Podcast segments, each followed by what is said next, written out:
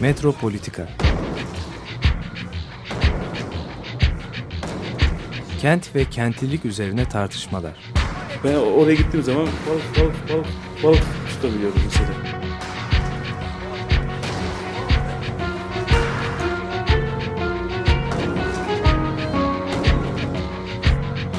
Hazırlayan ve sunanlar Aysim Türkmen ve Korhan Gümüş.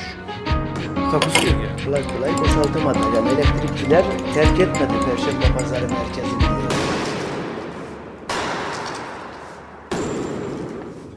Merhabalar değerli Açık Radyo dinleyicileri. Bugün Metropolitika'da Aysim Türkmen'le birlikteyiz. E, Aysim istersen bugün e, Hürriyet'te de manşet olan ve 5 Ekim'de yani iki gün sonra başlayacağı söylenen büyük kentsel dönüşüm seferberliğiyle e, başlayalım programa. Çünkü çok e, önemli bir e, uygulama e, başlıyor ve e, çok ciddi sorunları olan bir e, uygulama. E, bu e, cidden tartışılması gereken bir konu fakat e, ne yazık ki paldır küldür oluyor. 20 milyon yapı stoğu var Türkiye'de yaklaşık 20 milyona yakın 19,5 milyon böyle belirtiyor Çevre ve Şehircilik Bakanı Erdoğan Bayraktar. Bunun 6,5 milyonunun yenilenmesi gerekiyor diyor. Ve artık yürütmeyi durdurma imkanı da yok bu yeni yasaya göre, afet yasasına göre. Yani kimse itiraz edemeyecek. Ee, ve böyle bir şey, bu ülke kalkınacak diyor. Bu ülke kalkınacak, çomak sökmeye, kalkma, kalkmaya kimsenin hakkı yok diye bir açıklama getiriyor. Ee, bunu engellemeye çalışanlar da hainlerdir diyor. Şimdi bunu nerede söylüyor? Ee, sektörler buluşuyor diye geçen hafta Pendik'te Green Park Oteli'nde yapılan bir toplantıda. Sektörlere baktım ben. Hani hangi sektörler buluşuyor? Çünkü yani bu çünkü bir şey hani bir önemli bir kamusal programın e, tartışılacağı bir e, toplantı. Sektör dediğimiz sadece gayrimenkul yatırımcıları.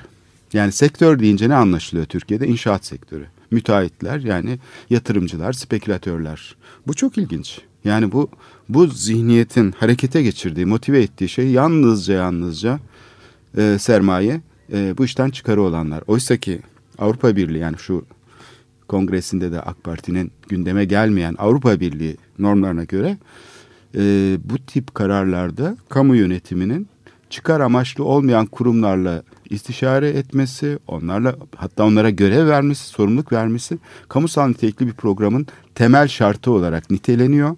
Eğer çıkar gruplarına, spekülatörlere doğrudan doğruya bu tip projeler açılıyorsa bu yolsuzluk anlamına geliyor. Şimdi buradaki prosedür tam tersine hem bir taraftan e, bir çarpık kentleşme söylemi tutturdu. E, şimdi bu çarpık e, kentleşme söyleminin ne manaya geldiğini biliyoruz 1900 diyelim. E, 45'li yıllardan sonra özellikle 50'li yıllardan sonra bu teknik e, planlama şeyini bugün e, siyaset benimsemiş durumda.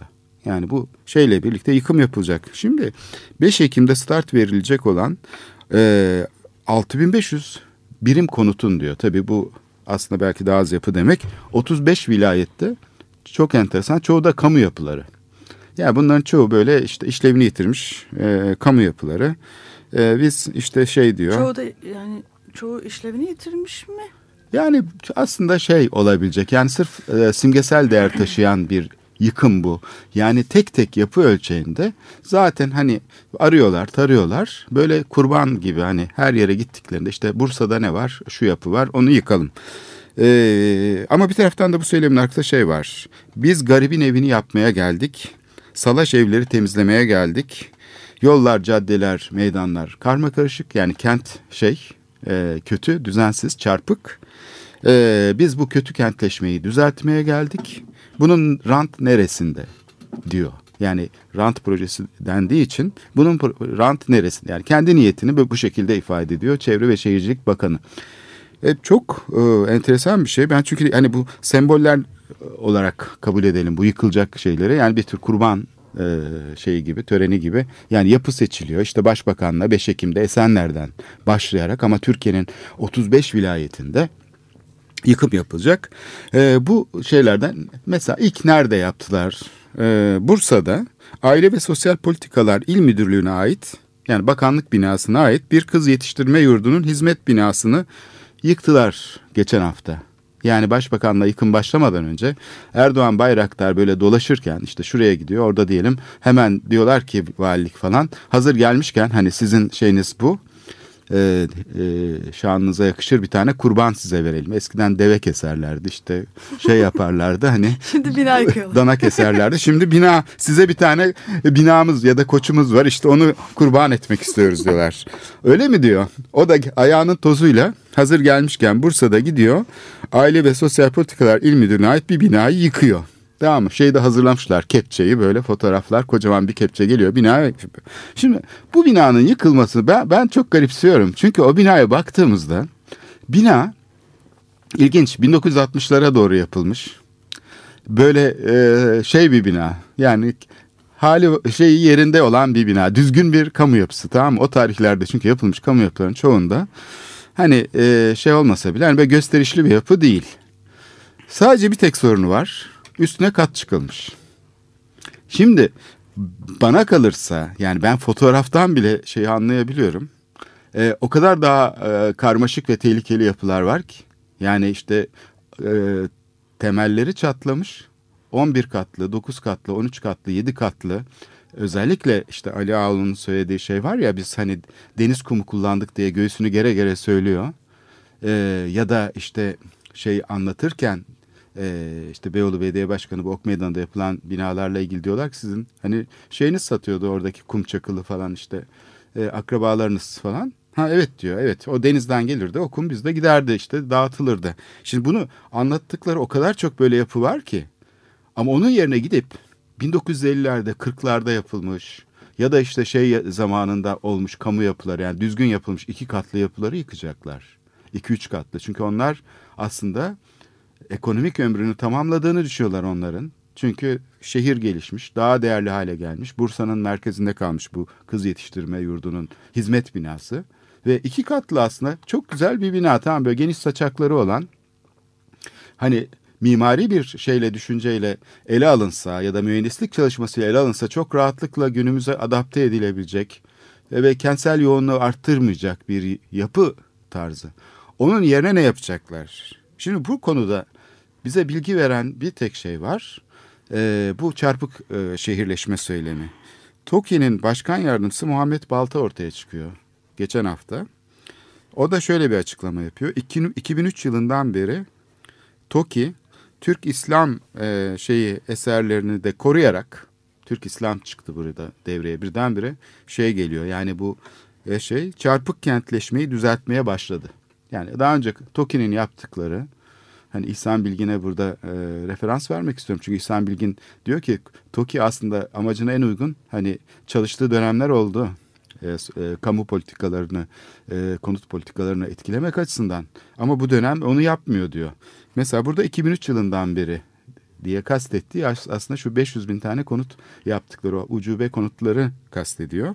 Bunlar çarpık kentleşmeyi önlemiş ve Türk İslam e, şeyine göre, sentezine göre de örnek bir kentleşme teşkil ediyorlarmış. Yani insan böyle şaşırıyor, dudakları uçukluyor. Bunu nerede söylemiş? Efendim proje olimpiyatları düzenleniyormuş. TOKİ proje olimpiyatları düzenliyormuş. 15 Ekim'de başlayacak, 18 Ekim'de bitecek. Trabzon'da. ee, ama bunu kimle düzenliyor? Türk Dünyası Mühendisler ve Mimarlar Birliği ile birlikte. Ee, ve buna e, şey diyorlar. Mimar Sinan Uluslararası Proje Olimpiyatı ama Türk Dünyası Olimpiyatları. Uluslararası ama yani artık Proje Olimpiyatı Avrupa, nasıl bir şey?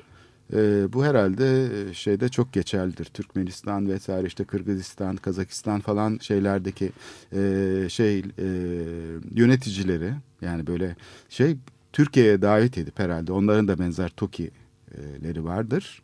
İnşaat şeyi çünkü biliyorsun kalkınmanın motoru e, ve onlarla birlikte bu e, yaptıkları güzel projeleri çarpık kentleşmeye karşı yapmış oldukları güzel projeleri e, açıklayacaklar. Ama burada tabii bir küçük bir sos da var. Ecdadımızın bize bıraktığı Türk İslam eserlerini örnek alarak diyor. Yani Baltan'ın söylediği e, çok enteresan. Türk İslam eserlerini örnek alarak kişilikli ve kimlikli artık ikisinin arasındaki farkı e, şey yaparız. Birbirini tamamlayan iki kelimeyle. Örnek alıp kişilikli ve kimlikli kentler oluşturmak için bu kurultay diyor bize şey olacak.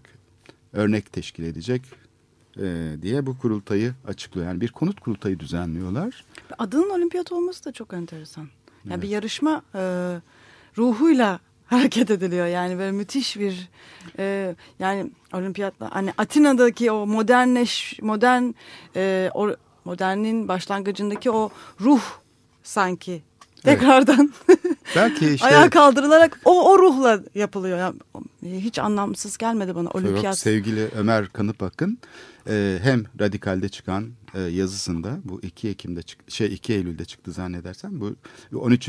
Venedik e, Mimarlık Bienalini aslında mimarlığın olimpiyatları diye nitelemişti. Çünkü tam olimpiyatların arkasında falan olduğu için hani çok e, ulusal pavyonlar falan da var hani böyle çok geniş bir katılmış şey. Belki onu okumuş olabilirler. Esin kaynağı ol, olmuş olabilir. Ee... Venedik'teki mimarlık biyenaline eğer e, mimarlık olimpiyatları deniyorsa TOKİ'de yaptığı toplantıda Türk ve İslam e, sentezli e, Türkiye Cumhuriyetlerle birlikte uluslararası bir olimpiyat düzenleyecek. Tabii bir Avrupa problemi var burada. Belli ki Avrupa'yı pek bu işe katmak istemiyorlar. Yani biz kendi kendimize yaparız. Bu Avrupalı mimarlar da ne olacak şimdi gelip bize şey mi öğretecekler yani? Alternatif Mimarlık olimpiyat. mı öğretecek? Ruhu. Alternatif bir medeniyet inşası aslında bu proje evet. olimpiyat. Yani çok enteresan ama. Bu yani işte tam David iyi... Chipperfield'ın aslında işlemesi gerektiğini ama atladığını düşünüyorum. Venedik Bienalinde tam da bu konu işlenebilirdi. Bu ortak zeminin orta, ortadan kalkmış olması, krizde olması. Yani şu andaki siyasi zeminde bu normlar sanki sadece Avrupa'nın normları, Batı dünyasının normları gibi anlaşılıyor. Modernleşmenin sorgulanması modernleşmenin e, şey olarak altyapısının bütün kurumlarının çalıştığı bir şeyde, TOKİ gibi kurumların olduğu bir yerde modernleşmeyi sadece hani Batı dünyasının bir esin kaynağı, onun karşılığında da bizim Türk İslam sentezimiz var mimarlıkta. Bu çok enteresan bir bölünme. Çünkü e, sanki e, şeymiş gibi yani bu e, modern e, dönemdeki güncel sanat eserleri olsun, mimarlık alanındaki bütün tartışmalar olsun bunların hepsi yani bir Hristiyanlığın ya da işte Batı dünyasının e, göstergeleri. Onların hani oradaki kapitalist dönüşümün sadece bir dekoru gibi algılanıyor. Halbuki onu sorgulayan çok önemli bir temeli var, bir birikimi var. İki ayağı var hep. Evet ikisi yani var. Ikisi iki, evet. iki ayağı da var. Yani o evet. öyle bir hani kapitalizmin gösteri e, ihtiyacını e, karşılayan da çok ciddi tabii, bir... star med- mimarlar vesaire. Ama bir de yani öbür tarafta Olimpiyatların evet. da öyle bir şey var tabii ki yani. Hı. Spor olarak alternatif bir yerde durmuyor. O da sistemin çok içinde bu dünyanın hani şeyi. Ona da alternatif yani dünya medeniyetin diye gördüğümüz bir şeye alternatif bir alan açma girişimi. Evet. Ve bunu proje üzerinden yapmaları yani o spor ruhunu e, temsil eden bir şeyi bir projeye yansıtmaları hakikaten yani üzerine e, birkaç tez yazılması gereken bir konu yani bu e, o kadar hani e, şey de değil e, kenara koyabileceğimiz şeyler de değil. Hani güle, gülümseyeceğimiz şeyler de değil. Hani bunu iyice okumak da lazım. Hani ne yapılmaya çalışılıyor? Alternatif niye şimdi bu alternatif şey çıkıyor? Hani bu buralara da iyi bakmak lazım. Evet ben orada küçük bir ayrıntı olarak şunu düşünüyorum. Hani bu Bienal falan olduğu zaman işte belediye başkanları niye Türk küratör yok diyorlar. Halbuki var ama onların kastettikleri işte kendi belirledikleri bir sistem olsun. Türk İslam sentezli işte bir şey olsun falan böyle sanat etkinliği işte tarihimizi işlesinler. Hep televizyonlar açıyorum ben. Dün akşam Cemal Kafadar'ın da söylediği gibi TRT Türk'te bir tarih obezitesi yaşıyoruz. Her taraf tarih, tarih konuşuluyor. Bütün kanalları açıyorsun tarih. Ama bu dünyada da var. Bu tabii. Ama bu ondan bahsediyorduk evet, zaten. Dünyada da tabii olan dünyada şey. da olan bir şey. Bu masal gibi tarih zaten hani tartışılacak bir konu ama bu tarih e, merakıyla birlikte ortaya da şey çıkıyor. Yani yönetimlerin bu olimpiyatta da mesela katılan yönetimlerin kendi milli, milli kimliklerini temsil etme. Yani bir folklorik oryantalist e, yaklaşım ortaya çıkıyor. Yani self oryantalizasyon dediğimiz özcü bir yaklaşım. Milletlerin kendi kendini temsil etmesi. Olimpiyatların galiba ruhunda bu var. Çünkü işte Fransız koşucu Biennale'de diyoruz. De var. Biennale'de, Biennale'de de, de var tabii. Ulusal pavyonları yani ben aslında o açıdan büyük şey e, e, evet. festival, festival tarzı organizasyonlarda bu ruh var. Kesinlikle var. Yani o ulusal özgürlük pavyonların var. yap- yapılmış olması mesela Giardini'de, Venedik'te ulusal pavyonlar aslında kendilerini kısmen paranteze alıyorlar ama kısmen de hani bir taraftan da ulusal pavyon işte Aynen. İspanyol pavyonu diyorsun, Hollanda pavyonu diyorsun. Yani Amerikan bunu kırmaya çalışan pavyonlar var ama gene de e, Evet. yani e, esas yapı bunun üzerine kurulu ve bunu da e, e, e, yıkmak hiç kolay değil. Hiç Evet. kolay değil. Şimdi evet olimpiyat deyince senin dediğin parantez çok önemli. Yani e, herhalde otokratik bir yönetimin şeyi de söz konusu oluyor. Burada Türk dünyası olimpiyatları deyince mimarlıkta, proje üretiminde herhalde burada e, bürokrasi çalışıyor. Yani kalkıp da Hollandalı bir mimar gelip de işte benim şeyim de bu işte bu e, sizin şeyinizi e, tarih şeyinizi Türk İslam şeyinizi hani bu yerel mimarlığa benim de işte şeyim bu öyle değil 1071 işte şey Malazgirt falan bu tarihin köşe taşları çok farklı şekilde kurgulanıyor. Yani bürokratik bir şekilde kurgulanıyor. Adeta Taksim Kışlası gibi kurgulanıyor. Yani Taksim Kışlası'nda nasıl mimara kışla yapacaksın deniyor. Hani sen burada işte bir kültür merkezi tasarla, işte yarışma yapalım, şu farklı alternatifler ortaya çıkıyor. Yok sen buraya kışla yapacaksın. Burada da öyle bir şey var. Yani sanki kaybedilen bir geçmişin e, tekrar e, dekor olarak canlandırılması gibi şiddet içeren bir şey var burada. Yani bu olimpiyat kavramı içinde. Çünkü milli temsiller söz konusu. Oraya herhangi bir başka bir şey giremez. Bir yandan da he, yani belki 150-200 senedir hep aynı e, yani e, zayıf noktaya düşülüyor. Yani böyle bir şey yapıldığı zaman bu hani Dünya fuarları mı örnek vereceksin şimdi? 19. yani dünya sonunda. fuarları e, bir şekilde m, küresel bir gücün bir şekilde kendini ortaya koyma biçimiydi kapitalist gücün ve orada e, bütün dünyaya hakimiyetini de bir şekilde aslında kanıtlıyordu. Burada da yani o zaman e, mesela e, padişahlardan da başlayan buna hep alternatif başka bir şey yaratma güdüsü var. Ama ne kadar hani bunu yaratsa da hep öteki olarak kalıp daha ek- eksik, daha zayıf, cılız ve bir şekilde insanı gülümseten bir noktada kalma e, durumu da var. Yani şimdi bu proje olimpiyatları da çıktığı zaman ya bir şekilde o e, e, kapitalizmin e, Avrupa kaynaklı kapitalizmin yarattığı o şaşayı yaratamıyor da. Hani yaratmak için Yaratamıyor ortaya tabii. çıksa da Evet. yani e, ona hep alternatif hep yani bizde de var. Bizde de o D ekiyle birlikte aslında Batıyor.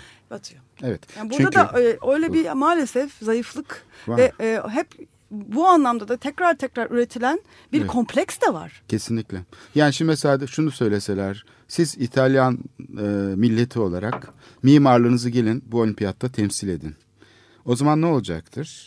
İtalyan Kültür Bakanlığı işte şeyi arayacak. İşte kendi yakın çevresinde kim var falan. Bakanlık bürokrasisi ile iyi işler çeviren koruma kurullarıyla. Biz de böyle Taksim projesini yapan falan mimarlar gibi mimarları göndermeye kalkacaktır ki böyle bir şey yapamazlar. Yani profesyonel ortam yıkılır. Böyle bir şey yapmaya kalktıkları zaman herkes tartışır. Ne saçmalıyor bu kültür bakanı falan derler. Ama Türkiye'de yapılabiliyor ve mimarlık odasının sesi çıkmıyor.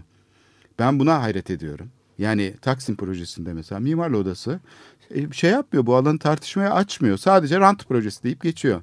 Rant yani emeğin meydanı falan. Yani böyle şeye dokunmayan, profesyonel dokunmayan söylemlerle güya itiraz ediliyormuş gibi yapılıyor ama aslında son derece tepeden inmeci bir itiraz bu. Yani hiçbir arayüz oluşturmayan, oradaki halkın katılımını içermeyen vesaire e, profesyonel alandaki alternatiflerin olabileceğini gösteren bir şey değil. Yanlış. Yaptığınız yanlış demekle geçiliyor. Şimdi bu kentsel aslında dönüşüme yani itirazlar farklı, da böyle. e, Evet. formatta da olsa aslında s- s- yani Türkiye'de sol muhalefet diye gördüğümüz şeyin de tarzı çok farklı değil. Onun sadece e, yaptığı şey farklı. Tar, ta- tarzı farklı ama tavır aynı.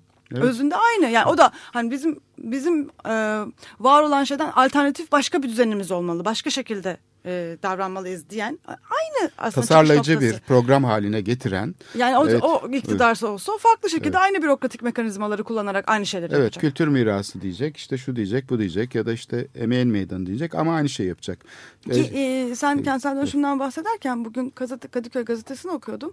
E, yani e, CHP'li olan Kadıköy Belediyesi'nin hiçbir itirazı yok yani. yani al- neredeyse alkış tutuyorlar. e, yani. ama zaten çarpık şehirleşmeye karşı Aynen, değil miydi meslek zaten. odaları yıllardır vardır. E, şeyler e, bu bizim sol kavramını gözden geçirmemiz gerekiyor. Galiba sayeden Mehmet Bekeroğlu'nun da bizim programda söylediği gibi sol deyince işte darbeci, dayatmacı, halkın adına kendisi karar veren falan insanlar gibi algılanıyor. Bu kentsel dönüşümde de işte itiraz edilememesinin nedeni bu. Çünkü yıllardır sol çevre çarpık kentleşme ama sol demeyelim. Tabii haksızlık olur çünkü yani sol adına çok ciddi e, e, entelektüel şeyden beslenmiş e, şeyden daha demokratik yani kimlik politikalarının ötesine geçebilen şeyler var. Taraflar var düşünen insanlar var örgütler var ama bir taraftan da maalesef bulaşıyor. Bu tepede inmeci, darbeci zihniyetle bu kimlik şeyi çözülmesi tam da hani Sovyetler Birliği'ndeki olay gibi karşımıza çok bilurlaşmış bir şekilde çıkıyor. Çünkü Türk İslam işte e, şeyimizi canlandıracağız, ecdat mimarimizi, kimlikli binalar yapacağız. Bu çarpık şehirleşmeyi önleyeceğiz deyince Buna ne diyeceksin? Hayır Türk e, İslam sentezli binalar, mimarlık yapmayın ayıp oluyor e, şey yapın. Modern Birinci binalar yapın. Ha yok diyemezsiniz. Yani bunu bunun arkasında çok ciddi bir emek olması gerekiyor. Yani alternatif bir siyasetin bu e, kültür e, temsiline, siyasetçilerin bu şeyle kültürel alanı e, hegemonyası altına almasına karşı çok daha farklı şeyler kullanması gerekiyor. Yani e, demokratikleştirmek, ifade özgürlüklerini desteklemek gibi sorumlu var profesyonel alanda da. Ama bu işte güncel e, sanat olsun, mimarlık zenginlerin bir uğraşı gibi algılanıp tamamen e, kamusal alandan izole edilmiş durumda. Türkiye gibi otoriter işleyişin olduğu toplumlarda. İstersen e, bir müzik arası verelim. E, ve konumuzla da ilgili e, geçen hafta da bahsettiğimiz yıkımlarla da ilgili bir parça çalalım. E, Einstürzen'de Neubautun'dan Kollaps adlı parçayı dinliyoruz.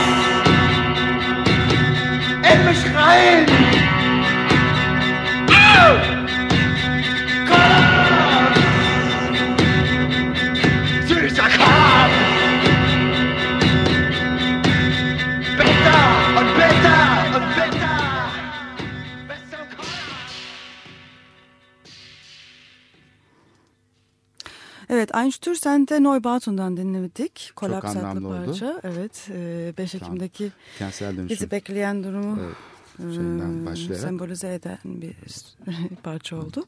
E, şimdi programın ikinci kısmında e, 21 Eylül'de açılmış olan bir sergiden bahsedeceğiz. Salt Galata'da ziyareti açıldı E, ve bu e, sergi AKM'nin 31 yıllık e, tarihini konu alan Modernin icrası Atatürk Kültür Merkezi 1946-1977 sergisi. Şimdi bu sergiyle ilgili olarak serginin küratörlerinden Pelin Derviş'le e, konuşacağız. E, merhaba Pelin. Merhabalar. E, nasılsın? Çok heyecanlıyım. Sizinle telefon üzerinden de olsa bu programa e, katılabildiğim için, birlikte olabildiğim için. E, Pelin e, bize bir serginin e, nasıl organize edildiğini, nasıl düşünüldüğünü, niye böyle bir sergi yapıldığını biraz anlatabilir misin? Tabii. Aslında birazcık tarihte geriye gitmemiz gerekiyor. 2007 yıllarının sonuydu. Ee, Salt, Gala, e, Salt daha doğrusu e, Garanti'nin e, şu anki kültür kurumu e, oluşma aşamasındaydı. E, ve o aşamada e, şimdi serginin küratörlüğünü birlikte yaptığım e, arkadaşım Gökhan Karakuş'la birlikte gelecekte ismi Salt olacak olan kurum bünyesinde e, bir arşiv çalışmasına giriştik. Bu Türkiye Mimarlık ve Tasarım arşiviydi. Mimarlığı ve tasarımı bir arada görmeye gayret eden bir bellek oluşturmak için tohumlar atmayı hedefleyen e, bir e, oluşumdu. E, o yıllarda e, Turgut Cansever üzerine de bir sergi yapmıştık ve aslında e, bu arşivin ilk e, ilk e, grubunu e, Turgut Bey'in e, projeleri oluşturuyor. Bu süreç içerisinde e, e, Hayati Tabanlıoğlu'nun da e, arşivine e, girdik. E, aslında e, bu sergi e, bu arşivin ikinci çıktısı sayılabilir. İlk çıktısı birkaç ay evvel e, Ulu Cemal Erkin e, evinin e, salon sergisiyle gene Salt Galata'da e, e, ortaya çıkmıştı. E, bu da e, arşivin ikinci çalışması. Yani arka planı aslında e, bir arşiv çalışmasına e, dayanıyor. E, bu arşiv e, modern döneme, Türkiye'deki modern döneme odaklanmaya e, çalışan e, bir yapıya sahip. E, çünkü çok yakın bir geçmiş. Bazı şeyleri ucundan da olsa yakalama şansımız var. Hala bazı kişilerle görüşebilme ve canlı kayıtlar alma şansımız var. Arka planı budur ve Atatürk Kültür Merkezi mimarlıkla tasarımın ve hatta sanatın bir araya geldiği ciddi bir modern e, mimarlık e, örneği olarak hatta modern Türkiye'nin e, bir icrası olarak e, karşımızda e, duruyor. E, bu bakımdan olabilecek en iyi e, vakalardan, araştırma vakalarından biri diye e, düşünüyoruz. Gökhan Karakuş'la birlikte bu yapıyı. Evet, Evet, ve çünkü aslında kolektif bir çabaya işaret ediyor. Değil mi Aynen, söylediklerin? Çünkü aynen. seramik tasarımından, panoların Tabii. şeyine, mobilyaların tasarımından, cephe sisteminin. Aydınlatmaya. Evet. Tabii. Burada büyük bir hem endüstriyel e, şey var, e, bir büyük işbirliği var ve bu Evet. örneklerini de gördük zaten. Yani birçok insan Tabii. serginin açılışına gelen birçok insan bu yapıda bir fiil görev almış ya da dolaylı olarak ilgili olmuş insanlardı. Bugünkü aslında yani mimarlığın bireysel bir çaba gibi algılanmasına bu eskiden bu kamu mimarlığının kolektif görünümü biraz bir tezat teşkil ediyor. Çünkü bu rafine mimarlık e, 1960'lardaki bu 70'lerdeki bu rafine mimarlık bugün biraz ortadan kalkmış durumda. Çok haklısın Koran. Yani e, Atatürk Kültür Merkezi çok ciddi bir kolektif e, çalışmanın e, ürünü. Ve üstelik düşünebiliyor musunuz? Yani tarihleri e, çıkardığımızda e, 31 yıllık bir yapım süreci dedi Ayşin'de takdim ederken e, programı. E, bu kadar yıl yani bir 20 küsur yıl e, ilk başta yapımı için e, birlikte uğraşılıyor. Yangın çıkıyor üstüne 7 yıl daha. E, bu kadar yıl çok ciddi bir e, bir arada e, e, bu varlığı meydana getirmek için e, çalışıyorlar. Ciddi uzmanlıklar var e, işin içinde. Yani sahne mekaniği, aydınlatma tasarımı, E, seramiklerde yeni denemeler var sırlarda vesaire. E, Aydın Boysan e, o dönem Arçelik'te çalışıyor. E, Arçelik adına cephenin uzlama sorumluluğunu üstleniyor. E, seramikler Sadi Diren, Belma Diren e, çifti. Aydınlatma Johannes Dine bir. E, sahne e, mekaniği Willy Ele. Yani çok iyi delege edilen bir proje yönetimi. Evet. Mesela bugün evet. mesela diyelim ki işte Sütlüce'de bir kongre merkezi yapılırken sürecin nasıl kimlere emanet edildiğini biz göremedik. Ya da işte kongre merkezi yapılırken İstanbul'un en büyük salonu yapılırken gene çok fazla göremedik. Belki vardı sorunlar ama bunlar daha çok işte belki işte piyasadaki e, şeyler öne çıkan aktörlerdi ama biz bunları göremedik. Ama AKM'de öyle değil. AKM'de bil fiil e, kişi olarak proje müellifi gibi mühendislik e, şeyleri de ayrı birimler tarafından, yaratıcı ekipler tarafından üstlenilmiş. Bu bana çok enteresan geliyor. Yani şeyin e, proje sürecinin örgütlenmesi, uygulama sürecinin örgütlenmesi açısından e, delegasyon yani proje yönetimindeki delegasyon Tabii. biçimi son derece Evet. modern. Evet, son derece modern ve belki size şimdi küçük yani size görünmeyeceğine eminim ama hani kulağa çok küçük bir ayrıntının önemi var gibi gelebilir ama bizim için e, çok ciddi bir e, e, unsurdu. E, nasıl ciddiye alındığını algılamamız açısından e, her aşamada bir kitapçı e, yayınlandı. Yani Oyundalık Bakanlığı'na en sonunda devredilmiş bir işti. Ferdi orada e, görev alıyordu ve bu projeyi oradaki e, konumuyla e, sürdürmüştü. Oyundalık Bakanlığı e, katalog, proje kataloğu yani kitabın kataloğunu yayınladı ve orada bütün e, ayrıntıları görebiliyorsunuz. Akustik nasıl çözülüyor, e, sahne mekaniği nasıl çözülüyor, e, bütün e, künye orada kendini gösteriyor. Hatta ilk aşamada stajyer olarak çalışanların bile isimleri var. Yani bu son derece e, açık, paylaşımcı bir yapıya da e, işaret ediyor aynı zamanda değil mi? Evet net yani bunlar çok net. Sergi zaten Evet. bunu gösteriyor. Bir de e, Evet. verdiğiniz bazı röportajlar vermişsiniz sergiyle ilgili Gökhan'la birlikte. E, bir avantgard vizyondan bahsediyorsunuz bu ekibin e, taşıdığı. Bunu biraz anlatabilir misiniz? Bu vizyon neydi? Belki bugün Tabii. hala devam etmeyen, göremediğimiz bu vizyon o zaman neydi? Bunun için size bir saniye bekletebilir miyim e, Gökhan Karakuş'u yanıma almak için? Tabii, Tabii ki. Bir saniye. Evet. Evet. E, sahiden e, sergiyi gezmek lazım. Gene tekrarlayalım. E, Bankalar Caddesi'nde Karaköy'de e, Salt'ın e, üst katında arşiv bölümünde bu sergi 6 Ocağı kadar da açık. Evet. Verdiğiniz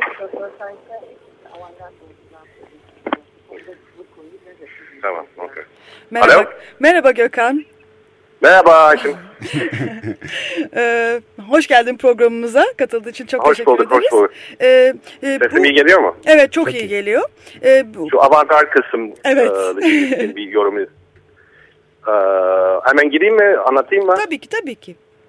Şimdi e, biz bu sergi yaparken özellikle mimarlık ve tasarım beraber e, e, baktık, beraber bakmaya çalıştık. E, Türkiye'de bu tasarım ve tasarım tarihi gibi konulara çok yapı, e, yapılan bir şey değil. Bizim burada e, özellikle AKM'de e, bir avantgardlık özellikle mesela tasarımda gördük. Bu ne demek? Örneğin Sadi Diren, Türkiye'de seramik işlerle özellikle sanat tarafında bilinen bir kişi.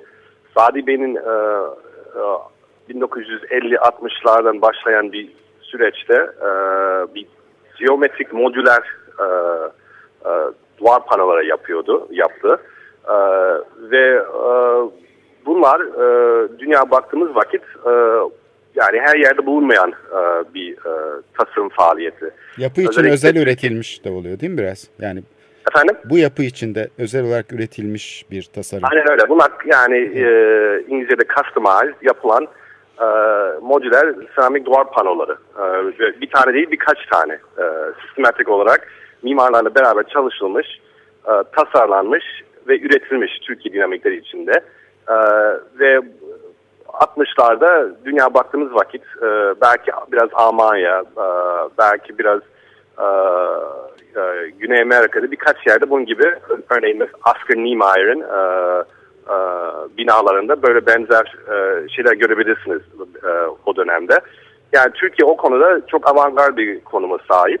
Ee, ve Sadi Bey'in o işleri e, biz bu sergide göstermeye çalıştık ki e, hakikaten önemli. Yani dünya için önemli, Türkiye için önemli bir e, bir, bir avantgard e, faaliyeti.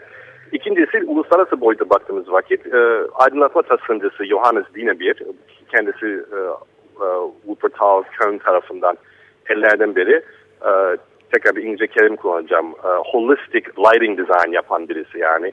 E, bütün e, üzerine e, kurulan bir light tas, e, aydınlatma tasarım yapıyor. Ki bu da bir avantgard bir yaklaşım. Ondan önce böyle tek tek aydınlatma lar konuluyordu mekanlara. Ama işte 50'ler ve 60'larda başlayan bir süreçte çok büyük çapta tüm duvarları kapsayan e, aydınlatma e, e, ögeleri e, tasarlamaya başladı. Mimarlarla beraber direkt ve burada Hayati Tabanlıoğlu Perler e, o işlerde Türkiye'de ilk kez yapıldı ki ondan sonra Johannes Yinebir'in işleri e, Hayati Bey'le galeriye gibi e, e, şeydeki Ataköy'de Haldey'in gibi yerlerde görüyoruz. E, bu, bu böyle aydınlatma tasarımı Türkiye'de e, ilk kez o zaman oldu. Dünyada e, e, perler. E, benim avantgard demem nedeni bu. Yani hakikaten e, biz e, dünyanın modernist tasarımı, mimarlık kültürüne e, katkıda bulunduk. Tabii ki bu katkı çok net belgelenmediği için e, anlaşılmıyor. O yüzden yani e, biraz belirsiz kalıyor. E, biz bunu bu sergide göstermeye çalıştık ki e, Hayati Bey'in e, orada e, uluslararası bir vizyonla bunları Türkiye'de ve ki bunu şunu unutmayalım bu tür seramik, aydınlatma, e, alüminyum cephe Türkiye'de e, e, e, üretildi. Yani Türkiye'nin material culture yani e, e, işçiliği e, kurulan sistemler bunlar sırf tasarımsal anlamda değil. Evet, dileriz ki yani bu e, araştırma e, yapının özelliklerini ortaya koyan, e, aslında e, eşsizliğini belki bir bakıma da ortaya koyan, e, öncülüğünü öncülüğünü ortaya koyan şey e, özellikler bugünkü e, restorasyon çalışmasında da aynen devam eder. Çünkü restorasyon çalışması da anonim bir iş değildir. Sayeden bu tip e, araştırma şeyleri içerir değil mi? Arkasında e, programları içerir. Bu açıdan da belki günümüzdeki restorasyona da ışık tutacak bir bakıma bu sergi yapıyor. Aynen öyle yani bir şekilde bu restorasyonda yani aynen o dönemde ne yapıldıysa tekrar koruyarak devam edecekse e, bu tür sistemlerin bu tür ee, yani e, e, aydınlatmasından, seramiğinden, e, iç mobilyasından yani orada bazı girmediğimiz konular vardı. Özellikle iç e, iç mekanlarda e, mobilyalar. Yani biz e, sergi içinde birkaç tane reprodüksiyon yaptık. Ana koltuklar ve e, puflar o dönemin e, e, direkt reprodüksiyon olarak koyduk ama e, bu işin bir parçası olması lazım ki e, yani özellikle mesela seramikte Türkiye'nin şu anki seramik e, seramik e, tasarımda çok kuvvetli bir ülke. Yani üreticilerimiz e, dünyada tanınan e, şirketler. E, ama yani bu şirketlerin tasarım konusunda yani yerel dinamiklerden yola çıkarak e, bir takım tasarımlar yapmak e, gibi hedefleri var mı yok mu bilmiyorum ama bu tür restorasyonlarda en azından geçmişte ne yapıldı ve nasıl yapıldı e, bugünkü e, e, faaliyetlerimiz, bugünkü tasarım ve mimarlık e, işlerimizde ışık tutacaktır diye düşünüyorum. Evet bir inşaat programı olarak e, görülmediğini gösteriyor. Yani bütün bu e, bilgi yönelimli faaliyetler e, bugün tabii yani metro istasyonları olsun işte Marmara istasyonları olsun bunlarda benzer bir yöntem izlenebilirdi aslında. Yani teknik açıdan belki ihtiyaçlar karşılanıyor ama bu yapıda olduğu gibi her e, alanın sadece mimari tasarım değil yani aydınlatma, sahne mekaniği her konuda ciddi bir entelektüel üretim olduğunu görüyoruz. Yani projenin arkasında. Evet. Bir de e, yani aslında... Türkiye'de bu bu o, o biz, biz yani bunu şaşarak bazen e, çok yani hakikaten bizim için biraz sürpriz oldu. Hayati Tabanlıoğlu'nun oradaki koordinasyon rolü e, çok önemli. Yani bu kişiyi bir araya getiren kişi o ve çok böyle titiz bir şekilde bu kişileri seçip e, çalışmalar ortaya koyabildi. Ki e, bana göre yani bu da Atatürk Havalimanı'nda devam etti zaten. Çok benzer şeyler o da görebilirsiniz. Türkiye'de bugünkü bizim yapılı çevrede zaten biz bunu ışık tutmaya çalıştık. Yani o dönemde böyle yapıldıysa biz neden bugün yani böyle mekanlarımız bu kadar eksik? E, neden mekanlarımızda seramik de bir yani kayda değer bir e, ilerleme olmuyor. Yani işte belediyenin, metroların e, içlerine girip bakın. Yani çok böyle yani tabii ki Osmanlı minitürleri görmek arada sırada güzel bir şey ama yani her yerde aynı şey görmek, e, orada üstün bir tasarım görmek, e, mekanla birleşen bir tasarım görmek o dönemde yapıldıysa bugün Türkiye'de yapılabilir. E, e, bu o dönemin modernizm, yerel dinamiklerle hareket eden modernizm bugün e, bir eks, e, yapılmıyor yani. Bugün biraz bir kopuk bir dünyada yaşıyoruz. E, onu net olarak görebildik bu sergide. Ürün üzerinden bakıldığı için belki kolay yol seçiliyor. Yani e, Hayati Tabanlıoğlu'nun projeyi yaparken harekete geçirmiş olduğu bütün bu e, üretici işte, dinamikler aslında sanat dinamiklerine benzetilebilir. Üretim faaliyetleri değil ama bugün bir metro istasyonunu yaparken işte ha, falanca seramikçi var şuraya bir seramik yapsın ya da bir cam pano yapsın. İşte tünel e, girişine o fotoğraflar var elimizde ne güzel bu fotoğrafları bakalım seramiğe adapte edebiliyor muyuz? Tarihi fotoğraflar evet. koyalım olsun bitsin. Yani iş bu kadar basit bir şeye indirgeniyor. Yani iş imalatın kendisiymiş gibi algılanıyor. Oysa ki imalatla mesafeli duran bir entelektüel üretime ihtiyaç var ki bu süreçler e, şeyi yaratıcı enerjiyi harekete geçirebilsin. Kamu burada doğrudan doğru düz bir ihale mantığıyla hareket ettiği için arayüzleri oluşturamıyor. Şimdi çok enteresan çünkü kamu tarafından yapılan bir bina, bina. AKM hani özel sektör... Evet, Bayındırlık Bakanı'nın binası bu. E, yani diyelim ki bunu bir şey yapsa, filantropik bir kurum yapsa Değil mi? Bugün olduğu gibi hani SALT gibi bir evet. e, işte filantropik kurum içinde şekillense anlarız. Ha burada tamam falanca mimar çalışmış. O falanca mimarın e, olmasının nedeni de bu kuruluştaki vizyon deriz. Ama öyle değil. Kamu yapmış. Bayındırlık Bakanlığı. Şimdi bugün Atatürk evet, Kültür evet. Merkezi'nin restorasyonunda e, Kültür Başkenti programı içinde mesela benzer bir problem yaşandı. Çünkü çok benzer e, şeyler tekrarlanıyor. E, Kültür Bakanlığı'nın diyelim Yatırımlar Daire Başkanlığı bizim taşeronlarımız var. Projeye ne ihtiyaç var? Biz onlarla yaparız bu renovasyonu demişti. Ama e, bu sivil inisiyatif yani binanın yıkımını engelleyen sivil inisiyatif öyle bir şekilde hareket etti ki bakanı da başbakanı da şeye ikna ettiler. Yani projenin benzer bir sistematik içinde kurgulanmasını ve e, Murat Tabanlıoğlu'nun sayeden burada gönüllü olarak üstlenmiş olduğu proje yönetiminde de aynı metot uygulandı. Yani gene e, ekipler aynı şekilde çalıştı. Yani o şeyin restorasyon içinde, güncelleme içinde e, benzer bir yöntem izlendiğini düşünüyorum.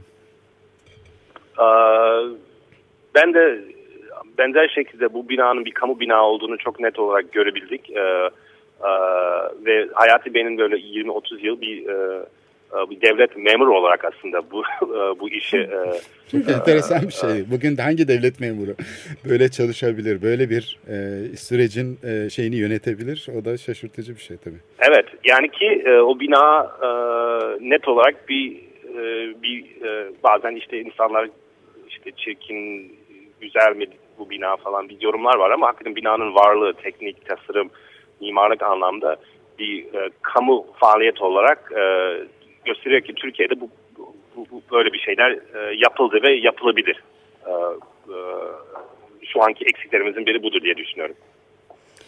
Evet. Ee, bir de aslında çok enteresan bir devreyi e, bize e, daha çok açıyor ve e, hani çok da fazla görmediğimiz 80'lerin şaşasıyla kapitalistleşmesiyle e, gölgede kalmış olan o devreyle ilgili enteresan e, bir tarihçe e, açıyor bize bu binanın üzerinden bakmak. Hı hı. Aslında hani binanın üzerinden tabii e, belki de Türkiye'nin merkezi olan Taksim Meydanı'na da bakıyoruz. O da çok ilginç tabii. Evet sergi yani, düzeni öyle. Çok ilginç, çok evet. hoş. 1946-1977 dönemi yani hani. E, Öyle. Türk bu, modern, bu, evet. Bu modernizm e, bizim mesela ben mimarlık tarihinden geliyorum. Bu e, İki Dünya Savaşı sonrası e, sonraki mimarlık ve tasarım işleri biraz ikinci plandaydı. Yani Cumhuriyet dönemi çok önemliydi. Yani evet. e, e, onu net olarak da görüyoruz. Şu an tabii ki biraz kitaplar e, Sibel Bozman ve Esra Akça'nın bir yeni bir Türkiye mimarlık e, tarihi kitabı var. Orada Esra e, İkinci Dünya Savaşı sonrası e, önemli bir tarihi yazmaya başladı. E, mimarlık anlamda. E, bu dönem yavaş yavaş ortaya çıkıyor. Benim de işlerimden biri bu dönemin e, tasarımları ortaya çıkartmaktı ki herkes işte soruyor işte tasarım var mıydı ki Türkiye'de. E, yani o dönem bizim için modernizmin e, Cumhuriyet döneminde böyle bir ithal modernizm e, mimarlık teknik olarak varsa Dünya Savaşı sonrası e, o modernizm farklı bir modernizm. O modernizm daha yerel e, dinamiklerde hareket eden modernizm. Evet. E, Hayati Bey tabii ki bir Türk mimar ama gidip Almanya'da eğitim aldı, geri geldi. Burada Türk e, tasarımcılarda çalışan aynı zamanda uluslararası bir ekip vardı. İşte e, sahne mekaniği mühendisi Alman. E, biz onu görüp yani oradaki başarıları bir bakıp e, hakikaten bir başarı başarılı işler diye düşünüyorum bunlar. E, 46-77 çok önemli bir kesit ve e, bizim Pelin Derviş'le beraber üzerinde çalıştığımız Türkiye Mimarlık ve Tasarım Arşivi içinde bunu benzer çok konu var. Yani biz sürekli bunlara görüyoruz ve çok şaşırıyoruz. Bunlar neden ortaya çıkmadı? Ee, biz bu arşive... Tasarım anlamda, mimar anlamda. Yani çok net işler yapıldı o dönem yani. E, Gökhan bu... Benim biz... için mesela e, iki isim söyleyeceğim ki söyle. Selçuk Milar 1940'larda önemli e, bir mimar, işte galeri sahibi, mobilya tasarım yaptı. Yani bu kişi şu an Türkiye'de hiç kimsenin bilmediği bir kişi ama çok önemli bir modernist yorumlar yaptı e, önemli kesimler için Ankara ve İstanbul'da. Ee, Gökhan e, bir de e, programımızın sonuna geldik ama kapatmadan önce biz bu arşivi bir yerden görebiliyor muyuz ilgilenen e, tarihçiler? İyi soru. Şimdi hmm. biz e, e, Sanat Galata çerçevesinde bizim işimiz aslında yani bu sergiyi yaptık ama bizim asıl işimiz bu arşivlere toplamak. Arşivlere toplamak, arşivlere bulmak, e, onlara e, kaydetmek ve kataloglamak. E, yakında Hayati Tabanlıoğlu'nun arşivi. E, zaten biz sergiden önce bu arşivi e, dijitalleştirdik. E, arşivin kendisi burada duruyor. E, şu an e, o son aşamaya geldik. Bir e, kataloglama, e, sınıflandırma süreci içinde. E, ve yakında tam tarihi bilmiyorum ama böyle bir iki ay içinde e, yani serginin e, hala açık olduğu zaman içinde Hayati Bey'in kendi e, arşivini e, internet üzerinden e, görme şansımız olacak ki e, mimarlıkla ilgilenen insanlar özellikle Hayati Bey'in 60'lar e, ve 70'lerdeki işlere e, bakmanı e, tavsiye ediyorum. Çünkü çok ilginç ve farklı bir konumu sahip hayat tabanlı olan mimari Türkiye'de. E, yakında açık olacak herkese internet üzerinden ve gel, gelmek istiyorsa, istiyorlarsa salt e, araştırma içinde, alt katı kütüphane içinde görebilir, görebilirler. Salt, e, Salt binasının alt kattaki kütüphanesinde görebilirler. Evet ve ondan sonra e, internet üzerinden de görebilecekler. Yani Harika. iki, Çok kademeli bir şey olacak ama tam emin olmamakla beraber onu söylüyorum ama yakında e, herkes açık olacak hayatı tabanlı onun arşivi. Çok teşekkür ediyoruz Gökhan. Evet, ee, hem sergiyi kurdun. Teşekkür ediyorum. İnşallah herkes bir e, bu sergiyi görme fırsatı olur. Çünkü biz e, Pelin'le beraber, Pelin Derviş'le beraber e, insanlar gelip e, bunu görüp e, kendileri de nasıl e, yaşamak istiyorlarsa bunu yani talep etmeleri e, etrafındaki olan mimarlar işte kamu görevliler e, bu, bu, bu noktaya geldik artık. Evet. E, e herkes kendi e, e, yaşamak isteyen dünyayı talep etmesi lazım. Evet. E, bu not da çok önemliydi hepimizin evet. şu dönemdeki hayatları açısından. E, Pelin Derviş'e de çok teşekkür ediyoruz. Gökhan teşekkürler, sana da çok teşekkürler. İyi günler, sağ ol, teşekkürler. E, bu haftalık da bu kadar diyoruz. Programın sonuna geldik. İyi haftalar. Hoşçakalın.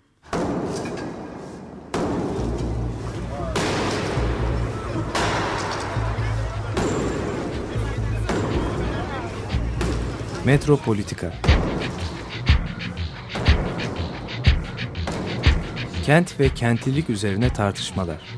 Ben oraya gittiğim zaman balık balık balık balık tutabiliyorum mesela.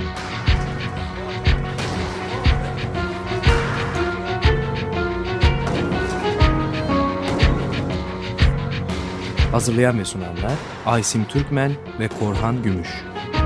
Takusuyor ya. Kolay kolay boşaltamadı. Yani elektrikçiler terk etmedi Perşembe Pazarı merkezini.